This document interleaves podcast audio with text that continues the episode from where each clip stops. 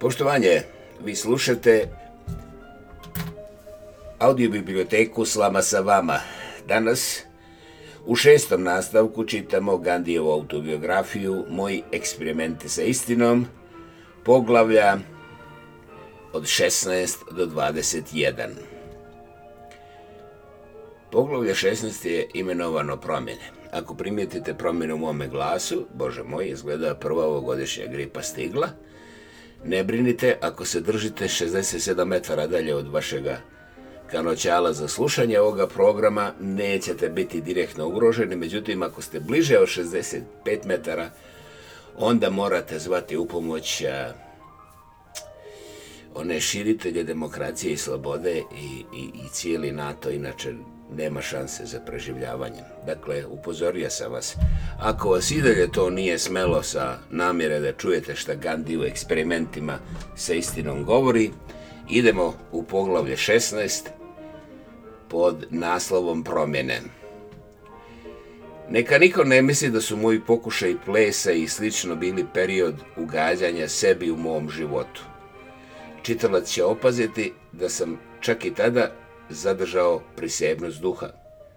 Taj period zaslijepljenosti nije prošao bez određene doze samokontrole sa moje strane. Vodio sam evidenciju o svakom novčiću koji sam potrošio i izdatke sam vrlo pažljivo proračunao. Upisao bih svaku sitnicu kao što je karta za omnibus ili pošta ili nekoliko novčića potrošenih na novine i sve račune svodio svake večeri prije odlaska na spavanje.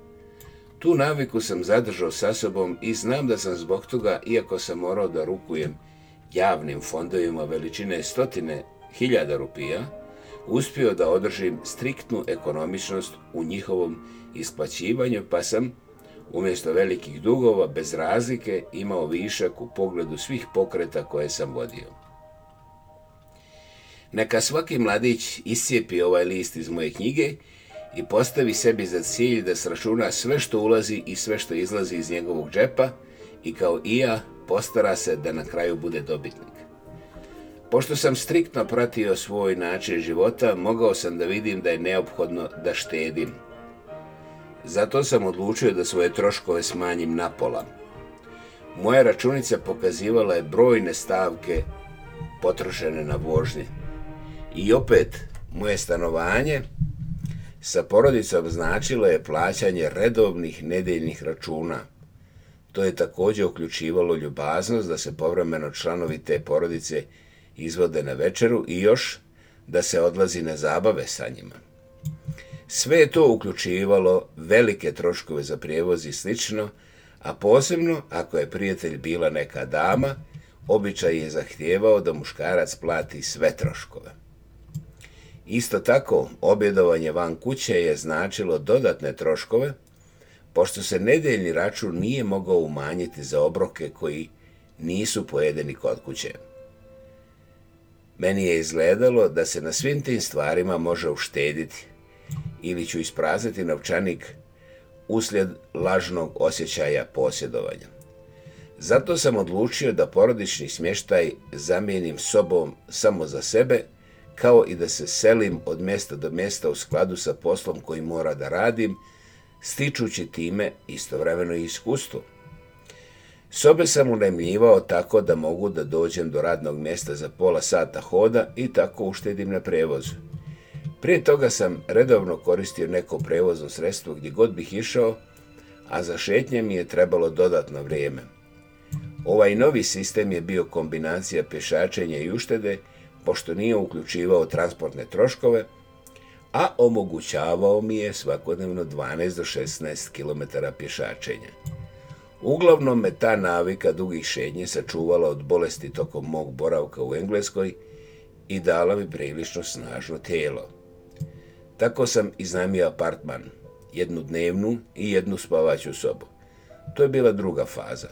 Treća je tek trebalo da dođe. Te promjene svele su moje troškove na pola, ali kako da upotrijebim to vrijeme? Znao sam da pravosudni ispiti ne zahtijevaju mnogo učenja, pa nisam osjećao vremensku stisku. Moj slabi engleski me je stalno brinuo. Riječi gospodina Lelija, kasnije ser Frederika, prvo diplomiraj, a onda dođi k meni, još uvijek su mi odzvanjale ušima. Raspitao sam se za Oksfordske i kembričke univerzitetske kurseve, posavjetovao se sa nekoliko prijatelja i uvidio da bi, ukoliko odlučim da odem na bilo koje od tih mjesta, to značilo veće troškove i mnogo duži boravak u Engleskoj nego što sam spreman. Jedan prijatelj mi je predložio da ako zaista hoću da polažem teške ispite, da položim prijemni na Londonskom univerzitetu. Ovo je podrazumijevalo dosta rada i veliko uvećanje mog opšteg znanja, bez dodatnih troškova vrijednih pomena. Pozdravio sam ovaj prijedlog. Ali uplašio me je plan i program. Latinski i neki suvremeni jezik bili su obavezni. Kako ću naučiti latinski? Međutim, prijatelj je imao za to dobro opravdanje.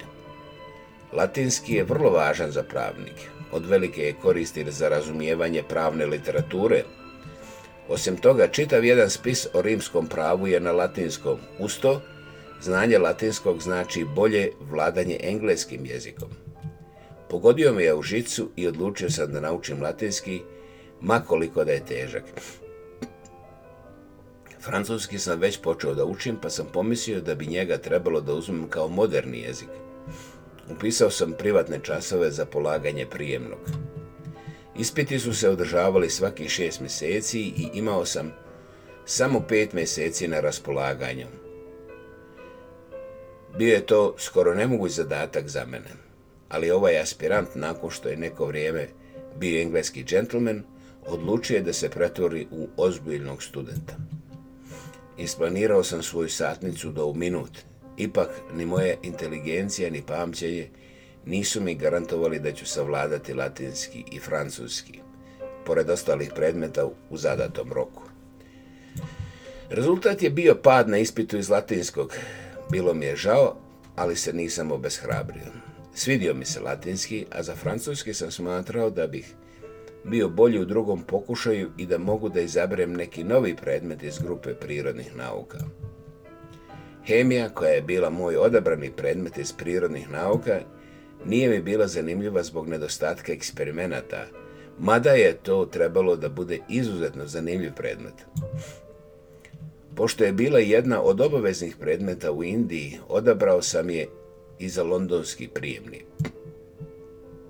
Ali ovoga puta sam odabrao toplotu i svjetlost umjesto hemije, jer su mi rekli da je to lak predmet i uverio sam se da je tako. Dok sam se pripremao za drugi ispit, potrudio sam se da još više pojednostavim način života. Imao sam osjećaj da nije u skladu sa skromnim sredstvima moje porodice. Duboko me je boljela pomisao na moga brata koji se mučio u životu, ali je velikodušno odgovarao na moje molitbe, molbe za novčanu pomoć. Vidio sam da su većina onih koji su trošili od 8 do 15 funti mjesečno imali prednost da dobivaju stipendiju. Upoznao sam podosta siromašnih studenata koji su živjeli skromnije od mene. Jedan od njih je stanovao u sirotinskoj četvrti u sobi od dva šilinga nedeljno, a jeo je za dva penija dnevno hleb i kakao u jeftinom lokartovom restoranu. Znači, oprostite, jeo je za dva penija dnevno hleb i kakao u jeftinom lokartovom restoranu. Coco Rooms, to je bilo ime restorana. Daleko od toga da sam pomišljao da se ugledam na njega, mada sam svakako pomislio da mogu da živim u jednoj sobi umjesto u dvije i da povremeno spremam jelo kod kuće. Tako bih uštedio 4 do 5 funti mjesečno naišao sam također i na neke knjige koje govore o jednostavnom životu. Otkazao sam apartman za, sa dvije sobe i iznajmio jednu, kupio sam šporet i počeo da poru, doručkujem kod kuće. Zato mi je trebalo nekih dvadesetak minuta jer sam kuvao samo zobenu kašu i grijao vodu da skuvam kakao. Tako sam sve od dnevne troškove na jedan šiling i tri penija. To je također bio period kada sam intenzivno učio. Jednostavan život uštedio mi je dosta vremena, pa sam položio ispit. Neka čitalac ne pomisli da mi je ovakav pristup na bilo koji način učinio život dosadnim. Naprotiv, ta promjena je uskladila moj unutrašnji i spoljašnji život. Ona je također bila više u skladu sa financijskim mogućnostima moje porodice – moj život je svakako bio istinoljubiviji, a radosti moje duše nije bilo kraja. Poglavlje 17. Eksperimenti sa ishranom. Kako sam dublje ispitivao sebe, potreba za promjenama i unutrašnjim i spoljašnjim počela je da raste u meni. Čim sam smanjio izdatke i promijenio način života, a možda još i prije toga, uvidio sam promjene u ishrani. Vidio sam da autori koji su pisali o vegetarijanstvu i ispitali tu temu veoma detaljno prilazeći ih iz religijskih, naučnih, praktičnih i medicinskih aspekata. Došli su do zaključaka da čovjekova, nadmoć nad nižim životinjama u etičkom smislu ne znači da on treba da se njima hrani, već da onaj koji je viši treba da štiti niže i da treba da se uzajamno pomažu kao što čovjek pomaže čovjeku. Oni su također iznijeli istinu da čovjek ne jede da bi uživao, već da bi živio. A neki od njih su u skladu s sa tim predložili, a u sobstvenom životu isproveli uzdržavanje ne samo od mesa, već i od jaja i od mlijeka. Neki su zaključili naučno gledano da čovjekova fizička građa pokazuje da on nije namijenjen da jede termički obrađenu hranu, već voće, da može da odraste samo na majčinom mlijeku, a čim mu izrastu zubi da počinje da jede čvrstu hranu. Iz medicinskog aspekta predložili su izbacivanje svih začina i preliva, a u skladu sa praktičnim ekonomskim činjenicama dokazali su da je vegetarijanska hrana najjeftinija. Sva ta razmatranja utjecali su na mene i ja sam se upoznao sa vegetarijancima svih tih uvjerenja u vegetarijanskim restoranima. U Engleskoj je postojalo vegetarijansko društvo koje je izdvajalo, izdavalo svoje nedeljne novine. Pretplatio sam se na taj nedeljnik, učlanio se u to društvo i ubrzo postao član izvršnog odbora. Tu sam se upoznao sa onima za koje se smatralo da su stubovi vegetarijanstva, a ja sam počeo moje sobstvene eksperimente sa ishranom. Prestao sam da jedem slatkiše i začine koje sam dobio od kuće. Pošto sam promijenio način razmišljanja, sklonost prema začinima je nestala, pa sam sad uživao u barenom spanaću koji mi je u Richmondu bio bljutav jer je bio kuvan bez začina. Mnogi slični eksperimenti pokazali su mi da pravi centar ukusa nije jezik, već um. I financijske stvari su mi također stalno bile na umu. U to vrijeme je vladalo uvjerenje da su čaj i kafa štetni, a kakao koristan. Pošto sam vjerovao da treba jesti hranu koja podržava tjelesne funkcije, odustao sam od redovnog čaja i kafe i zamijenio ih kakaom. U restoranu u koji sam odlazio bilo je, naprasite dva odjeljka. U jednom odjeljku koji su posjećivali prilično dobrostojeći ljudi, posluživali su onoliko jela koliko čovjek odabere i plati sa meni. tako da je svaki ručak koštao 1 do 2 šilinga. U drugom dijelu su služili obrok od tri jela sa parčetom hleba za šest penija. U vrijeme dok sam strogo štedio, obično sam objedovao u tom drugom dijelu. Uporedo sa glavnim eksperimentom sprovodio sam i mnoge manje. Na primjer, jednom sam ukinuo skrobnu hranu, drugi put sam jeo samo hleb i voće, a jednom sir, mlijeko i jaja. Ovoj posljednji eksperiment nije vrijedio ništa. Nije trajao na dvije nedelje. Reformator koji je savjetovao uzdržavanje od skrobne hrane visoko je cijenio jaja i smatrao da su jaja vegetarijanska hrana. Bilo je očigledno da se nikakva šteta ne nanosi živim bićima jedenjem jaja. Zaveden ovim izgovorom jeo sam ih uprkos svoje zakletvi. Ali ta greška je bila samo trenutna. Nije bio moj zadatak da mijenjam tumačenje moje zakletve. Važeće je bilo tumačenje moje majke, kojoj sam se i zakleo. Znao sam da njena definicija mesa uključuje i jaja. Čim sam shvatio pravi smisao svog zavjeta, manuo sam se jaja i sličnih eksperimenata. Postoji interesantna poanta u osnovi ovog argumenta i vrijedi je pomenuti. U Engleskoj sam naišao na tri definicije mesa. Prema prvoj, meso je značilo samo meso ptica i životinja. Vegetarijanci koji su prihvatili ovu definiciju izbjegavali su meso peradi i životinja, ali su jeli ribu, a o jajima i da ne govorim. Prema drugoj definiciji meso je značilo meso svih živih bića. Tu riba nije dolazila u obzir, ali su jaja bila dopuštena. Treća definicija obuhvatala je i sve proizvode životinskog porijekla, u što su spadali i jaja i mlijeko. Da sam prihvatio prvu definiciju, mogao bih da jedem ne samo jaja, već i ribu. Ali bio sam ubeđen da je definicija moje majke ona koja me obavezuje. Ako dakle hoću da se držim zavjeta koji sam dao, morao sam da se uzdržavam od jaja. Tako sam i učinio. To je bilo teško, pošto bi se pokazalo kad bih upitao da su čak i u vegetarijanskim restoranima mnoga jela sadržala jaja. To je značilo da ukoliko ne znam tačno što zadrži neko jelo, moram da pokrenem nezgodan proces utvrđivanja da li određeno jelo sadrži jaja ili ne, jer su mnogi pudinzi i kolači pravljeni na njima.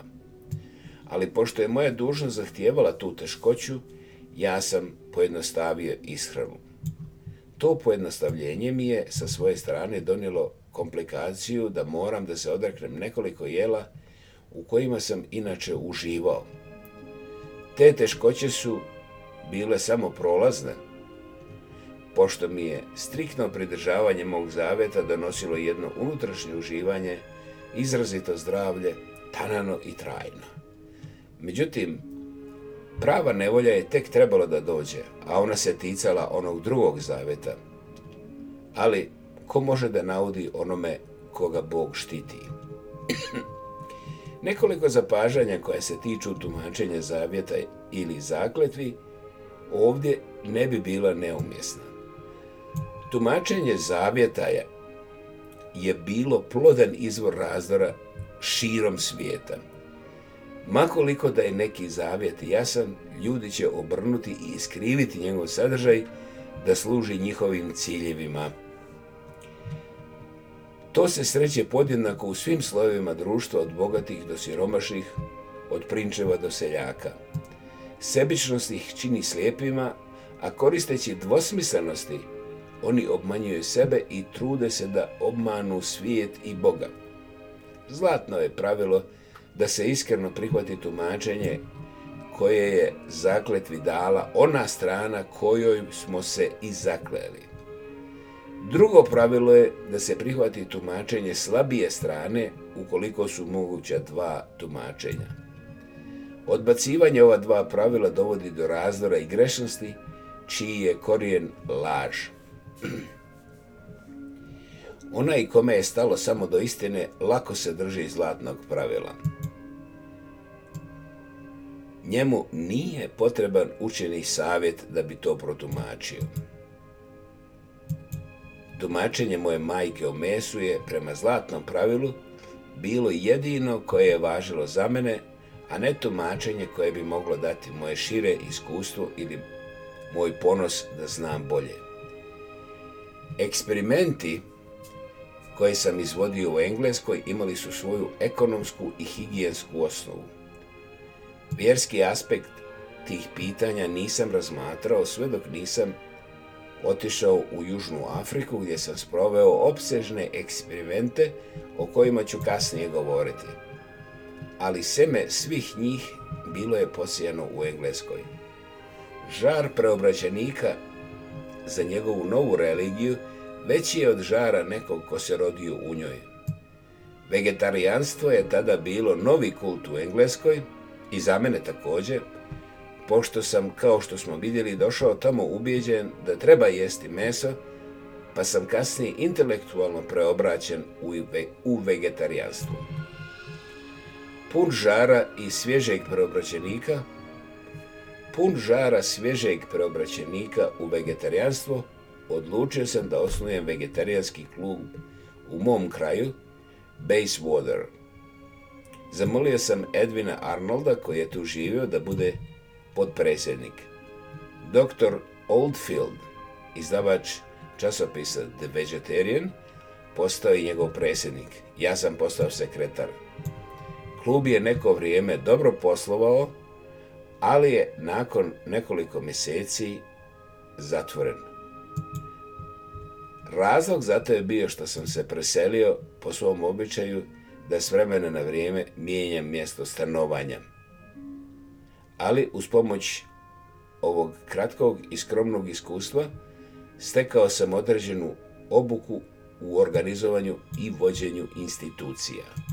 Poglavlje 18. Pod naslov Stidljivost me štiti. Bio, sam izabran za člana izvršnog odbora udruženja vegetarijanaca, pa sam se starao da prisustujem svakoj njegovoj sjednici, ali bi mi se uvijek jezik vezao. Jednom mi je doktor Oldfield, Oldfield rekao, kada govoriš meni, to je sasvim u redu, ali zašto nikad ne kažeš na sastanku odbora? Ti si trut. Svidjela mi se ta šala početak su uvijek, počele su uvijek, pčele su uvijek zaokupljene poslove, oprostite, a truti je potpuno lijen. Ali, a pošto je bilo izuzetno interesantno kad su na tim sastancima drugi govorili svoje mišljenje, sjedio sam čuteći. Nije da nikad nisam pao u iskušenje da govorim, ali nisam znao kako da se izrazim. To bi se često dešavalo da kad bih sakupio hrabrost da kažem nešto, već bi počela neka nova tema. I tako je išlo dugo. U međuvremenu je na diskusiju dospjelo ozbiljno pitanje. Mislio sam da bi bila greška da izostanem, a osjećao sam da i kukavičluk ne reći ništa. Diskusija je započela prilike ovako. Predsjednik ovog udruženja bio je gospodin Hills, vlasnik fabrike Thames Iron Works. Bio je puritanac. Moglo bi se reći da je postojanje društva praktično zavisilo od njegove financijske pomoći. Mnogi članovi odbora bili su manje više njegovi štić, štićenici. I dr. Allison, čuveni vegetarijanac, bio je također član odbora. On je zagovarao tada nov pokret za kontrolu rađanja i propovjedao je svoj metod među radničkom klasom. Gospodin Hills je smatrao da takvi metodi seku korijen morala. On je mislio da predmet rada vegetarijanskog društva nije samo ishrana, već i moralna reforma, a da ljudima kao što je dr. Allison koji imaju antipuritanske poglede ne bi trebalo dopustiti da budu članovi toga društva. Dakle, pokrenuti postupak za njegovo isključivanje. To pitanje me je duboko interesovalo. I ja sam smatrao, ali sam o pogledao vještačkoj kontroli rađenja, isto tako opasnim i vjerovao sam da je gospodin Hills kao puritanac pravi čovjek da mu se suprostavi. Isto tako sam visoko cijenio gospodin Hillsa i njegovu velikodušnost, ali smatrao sam da je potpuno neprimjereno isključiti čovjeka iz vegetarijanskog društva naprosto zato što on odbija da puritanski moral smatra predmetom kojim to društvo treba da se bavi. Pogledi gospodina Hilsa o isključivanju onih koji nisu puritanci iz društva bili su njegovi lični i nisu imali nikakve veze sa proklamovanim ciljem toga društva, a taj cilj je bio naprosto promovisanje vegetarijanstva, a ne bilo kog sistema moralnosti. Zato sam smatrao da svaki vegetarijanac može da bude član toga društva bez obzira na njegove poglede na ostala etička pitanja. U odboru je bilo i drugih koji su dijelili moje stavove, ali sam se osjećao lično pozvanim da izrazim taj stav. Međutim, kako to da uradim, pitanje je sad. Nisam imao hrabrosti da govorim, pa sam zato odlučio da zapišem svoje mišljenje. Došao sam na sastanak sa papirom u džepu. Koliko se sjećam, nisam se smatrao sposobnim čak ni da ga pročitam, pa je predsjednik dao nekom drugom da ga pročita. Toga dana je dr. Allison izgubio. Tako je to bila prva bitka te vrste u kojoj sam se svrstao u stranu koja je izgubila. Ali tješila me misao da je razlog bio pravedan. Blijedo se sjećam da sam nakon tog incidenta dao ostavku na članstvo u odboru. Ta stidljivost, tu stidljivost sam zadržao tokom čitavog boravka u Engleskoj. Čak kada bih išao u neku posjetu, ako bi bilo prisutno šest ili više ljudi, samo sam čutao. Jednom sam pošao u Ventnor sa gospodinom Mazmudarom, Tamo smo se sreli sa jednom vegetarijanskom porodicom. Gospodin Howard, autor knjige Etika ishrane, također je boravio u istom kupalištu. Sreli smo ga i on nas je pozvao da govorimo na jednom sastanku u korist vegetarijanstva. Već sam se uvjerio da nije nekorektno pročitati govor. Znao sam da su mnogi tako činili da bi se izrazili povezano i kratko – da improvizujem govor nije dolazilo u obzir. Zato sam napisao svoj govor. Ustao sam da ga pročitam, ali nisam mogao. Vid mi se zamutio i ja sam se tresao, iako je govor jedva imao pola tabaka. Gospodin Mazmudar je morao da ga pročita za mene. Njegov sobstveni govor je naravno bio izvrstan i primljen je s aplauzom. Stidio sam se sebe i bio tužan u srcu, srcu zbog moje nesposobnosti. Moj posljednji pokušaj da javno govorim u Engleskoj odigrao se oči povratka kući. Ali tom prilikom sam jedino uspio da učinim sebe smiješnim. Pozvao sam moje prijatelje vegetarijance na objedu u restoranu Holborn, koji sam pomenuo u prošlom poglavlju. Vegetarijanski objed može se dobiti u vegetarijanskim restoranima, naravno, rekao sam sebi. Ali zašto ne bi bilo moguće i u nevegetarijanskim restoranima? Tako sam se dogovorio sa upravnikom restorana Holborn da pripremi strogo vegetarijanski objed. Vegetarijanci su oduševljeno pozdravili taj novi eksperiment. Svi objedi su namijenjeni uživanju, ali je Zapad to razvio do umjetnosti. Oni se proslavljaju sa velikim oduševljenjem, muzikom i govorima. Ali mala zabava sa večerom koju sam ja priredio nije bila lišena tih manifestacija. Moralo je dakle da bude govora. Kad je došao moj red, ustao sam da održim govor. Veoma briživo sam smislio govor koji će se sastojati od samo nekoliko rečenica, ali nisam mogao dalje od prve rečenice. Čitao sam kako je Addison započeo svoj prijemni govor u donjem domu ponovivši ja smatram, I conceive. Tri put, pa kad nije mogao da nastavi dalje, neki šaljevčina je ustao i rekao, gospodin je zatrudnio tri put ali nije rodio ništa. Ovo je neprevodljiva igra riječi u engleskom. To conceive znači smatrati, ali i zatrudniti. I ja sam pomislio da održim smiješan govor uzevši tu anegdotu kao povod. Tako sam započeo sa njom i tu se zaglavio. Pamćenje me je potpuno izdalo, pa sam ispao smiješan u pokušaju da održim šaljiv govor. Hvala vam gospodo što ste se ljubazno odazvali mome pozivu, rekoh naglo i sjedoh na svoje mjesto. Tek u Južnoj Africi sam prevazišao stidljivost, mada nikad potpuno. Bilo mi je nemoguće da govorim improvizovano. Oklevao sam kad god bih morao da se obratim nepoznatoj publici i izbjegavao sam držanje govora kad god sam to mogao.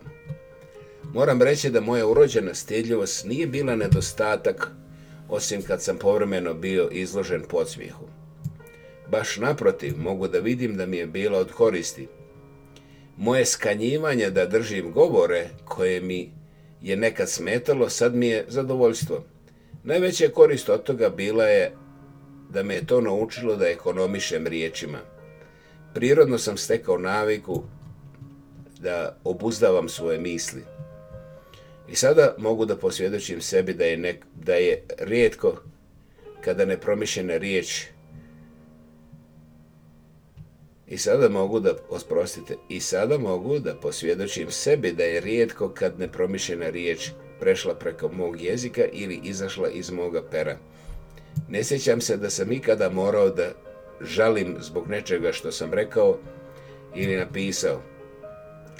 Tako sam bio pošteđen mnogih nevolja i traćenja vremena. Iskustvo me je naučilo da je čutanje dio duhovne discipline sljedbenika istine.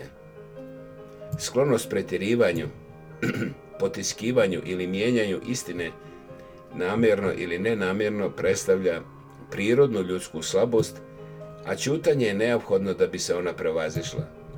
Čovjek koji malo govori rijetko će biti nepromišljen u govoru, on će odmjeriti svaku riječ. Ima mnogo ljudi koji jedva čekaju da govore. Nema predsjedavajućeg na bilo kom skupu koga ne gnjave papirićima u kojima traže dozvolu da govore. A kad godim se to dopusti, po pravilu govornik prekorači vremensko ograničenje, traži više vremena i nastavlja da govori bez opuštenja. Teško se može reći da sva ta priča donosi neki doprinos svijetu. Ona je veliko gubljenje vremena. Moja stidljivost je u stvari bila moj štit i moj sigurnosni pojas. Ona mi je dopustila da rastem. Ona mi je pomogla da razlikujem šta je istina. Poglavlje 19. Čir neistine. Prije 40 godina bilo je relativno malo indijskih studenata u Engleskoj praksa je bila da izigravaju neženje, čak iako su možda bili oženjeni. Učenici u školama ili studenti na fakultetima u Engleskoj su svi neženje, pošto se smatralo da je školovanje nespojivo sa bračnim životom. U starim dobrim danima smo imali tu tradiciju kada su učenici bez razlike bili poznati kao bramačari, ali danas imamo dječje brakove kao što je praktično nepoznata stvar u Engleskoj. Indijski mladići u Engleskoj se zato stide da priznaju da su oženjeni. Postojao je još jedan razlog za pretjerivanje. Naime, ukoliko bi ta činjenica bila poznata tim mladićima bi bilo nemoguće da izlaze ili flertuju sa mladim djevojkama iz porodica u kojima su živjeli. To flertovanje je bilo manje više nedužno, Roditelji su to čak i ohrabrivali, a takvo druženje između mladića i djevojaka je tamo možda bilo i neophodno, uzimajući, u obzir činjenicu da svaka mlada osoba treba da odabere svog partnera. Ako bi se međutim indijski mladići po dolasku u Englesku upustili u takve odnose, sasvim prirodne u engleskoj omladini, rezultat bi vjerovatno bio katastrofalan kao što bi se često i dešavalo Viđao sam da, naš, da su naši mladići podlegli iskušenju i birali život neistine radi druženja koje je, makoliko da je za englesku omladinu bilo nedužno, za njih bilo nepoželjno. Ja sam i ja sam uhvatio taj virus. Nisam oklevao da se predstavim kao neženje, iako sam bio oženjen i imao sina. Ali nisam bio ništa srećniji što se pretvaram. Samo su me moja uzdržanost i čudljivost spašavali da ne zabrazdim dublje. A kako nisam pričao, ni jedna djevojka ne bi mislila da vrijedi ulaziti u razgovor sa mnom ili izlaziti sa mnom. Moja strašljivost je bila ravna mojoj uzdržanosti. U porodicama kao što je bila ova u kojoj sam živio u Ventnoru, bio je običaj da gazdaričina kćerka vodi goste u šetnju. Jednog dana Gazarićina kćerka me je povela u prekrasna brda nedaleko od Ventnora. Ja nisam hodao sporo, ali je moja pratilja bila još brža, vukući me za sobom i brbljajući sve vrijeme. Odgovarao sam na njeno brbljanje, povremeno prošaptavši da ili ne. U najboljem slučaju da, divno. Ona je letila kao ptica dok sam se ja pitao kad bi trebalo da se vratim kući. Tako smo stigli na vrh brda. Onda se postavilo pitanje kako sići. Uproko svojim visokim štiklama, ova živahna 25-godišnja mlada dama sjurila se nizbrdo kao strela. Ja sam sa stidom pokušavao da siđem. Stajala je u podnožju brda, smešeći se i bodreći me i nudeći se da se vrati i pomogne mi. Kako sam mogao da budem takva kukavica? Uz veliki trud i povremeno puzanje nekako sam uspio da stignem do podnožja. Glasno se nasmijela viknuši bravo, postidjevši me time potpunom. Ali nisam se suda mogao izvući bez problema, jer Bog je htio da me spase od čira neistine. Jednom sam pošao u Brighton, kupalište slično Ventnoru. To je bilo prije one posjete Ventnoru u tamošnjem hotelu upoznao sam se sa jednom srednje bogatom starijom udovicom. bilo je to u prvoj godini mog boravka u Engleskoj. U jelovniku su sva jela bila opisana na francuskom koji nisam razumio. Sjeo sam za isti stol kao i ta gospođa, Vidjela je da sam stranac, zbunjen, pa mi je s mjesta pritekla u pomoć. Izgleda da ste stranac, rekla je, i izgledate zbunjeno. Zašto ništa niste naručili?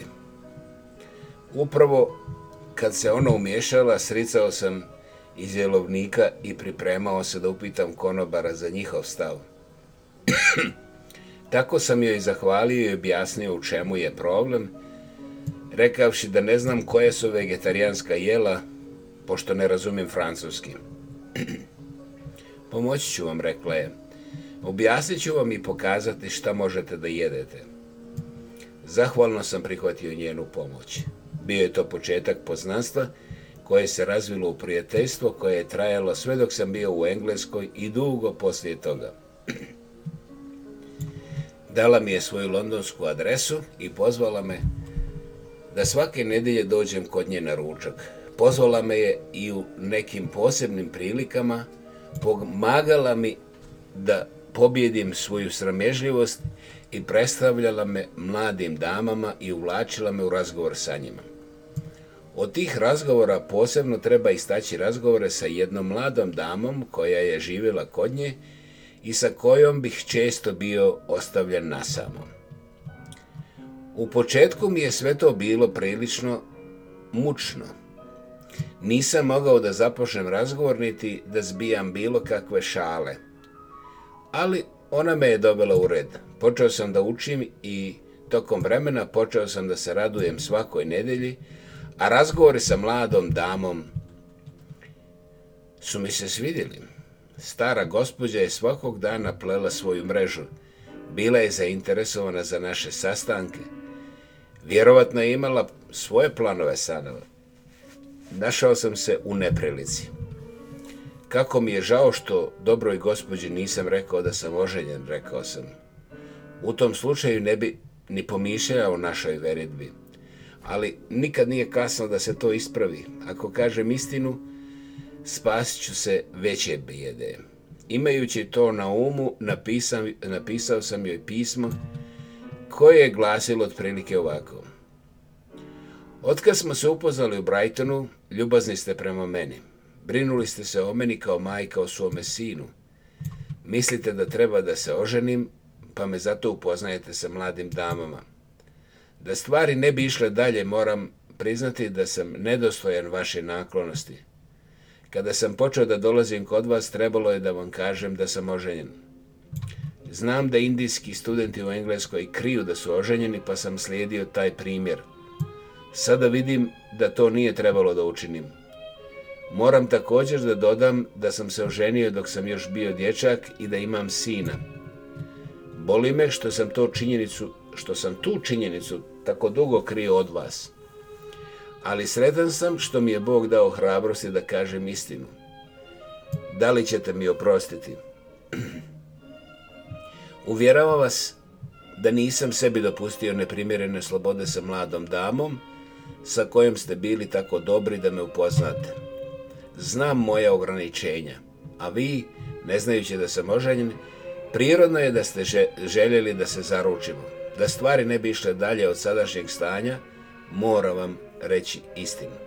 Ali, ako nakon što ovo primite osjećate da sam bio nedostojan vašeg gostoprinstva, budite sigurni da vam neću zamjeriti. Zauvijek ste me zadužili vašom ljubaznošću i zauzimanjem.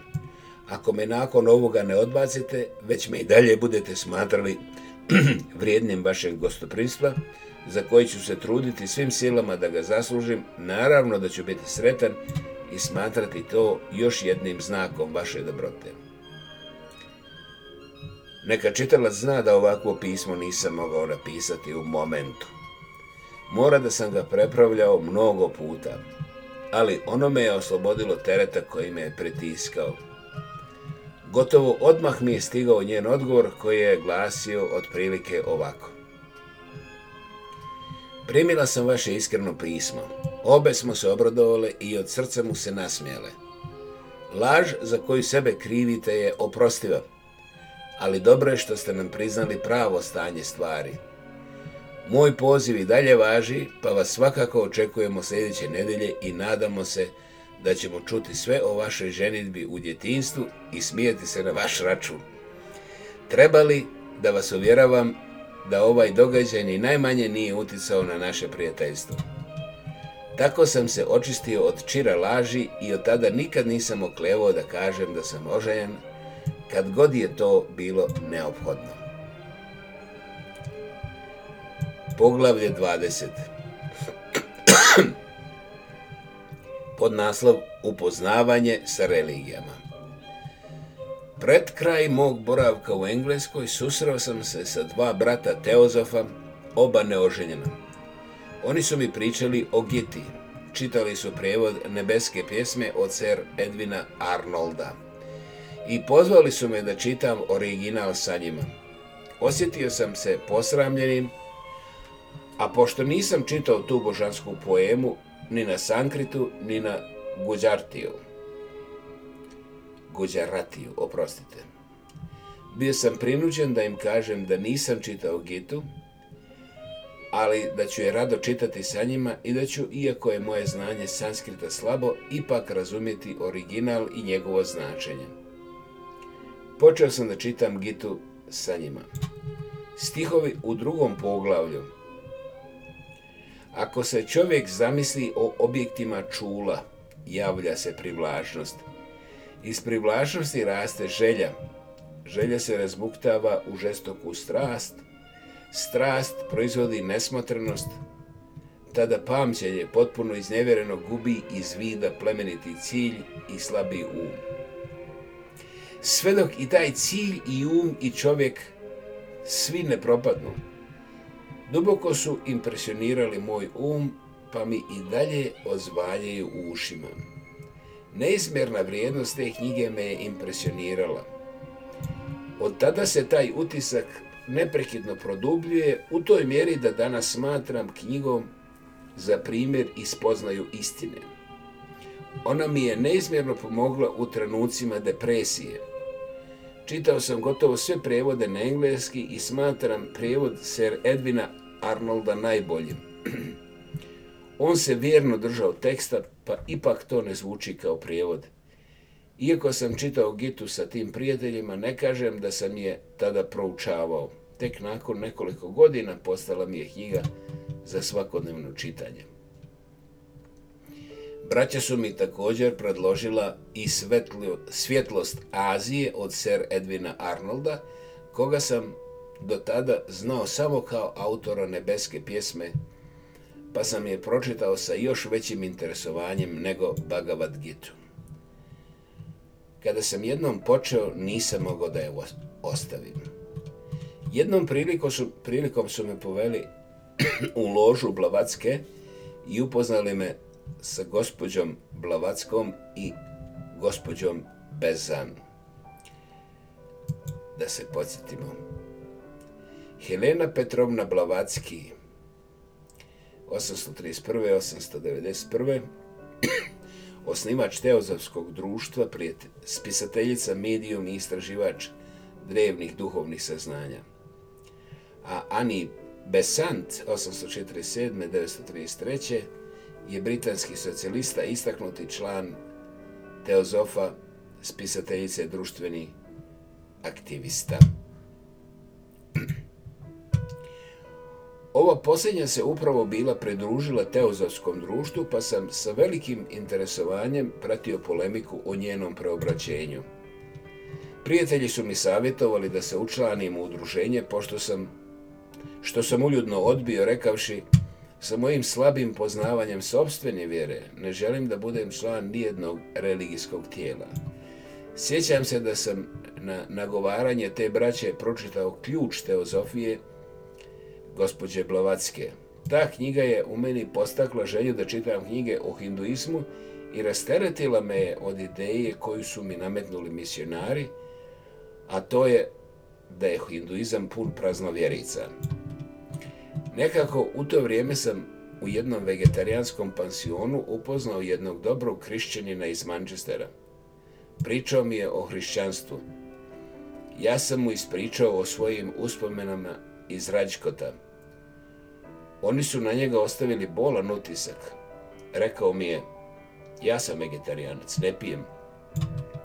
Mnogi hrišćani jedu meso i piju, nema sumnje, ali sveto pismo ne propisuje ni jedenje mesa, ni pijenje alkohola.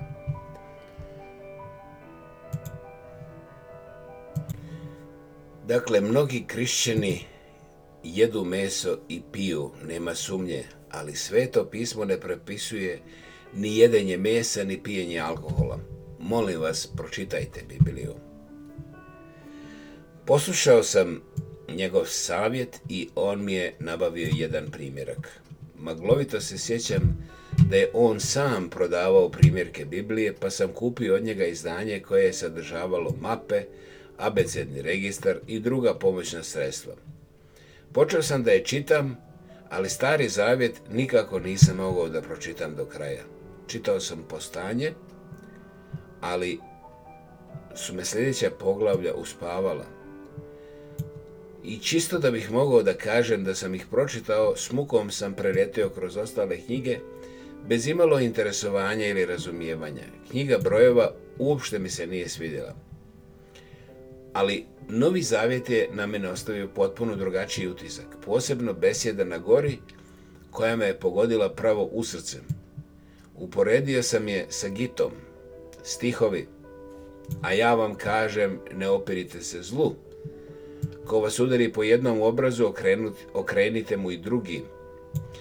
Ako vam neko ukrade kaput, dajte mu i ogrtač.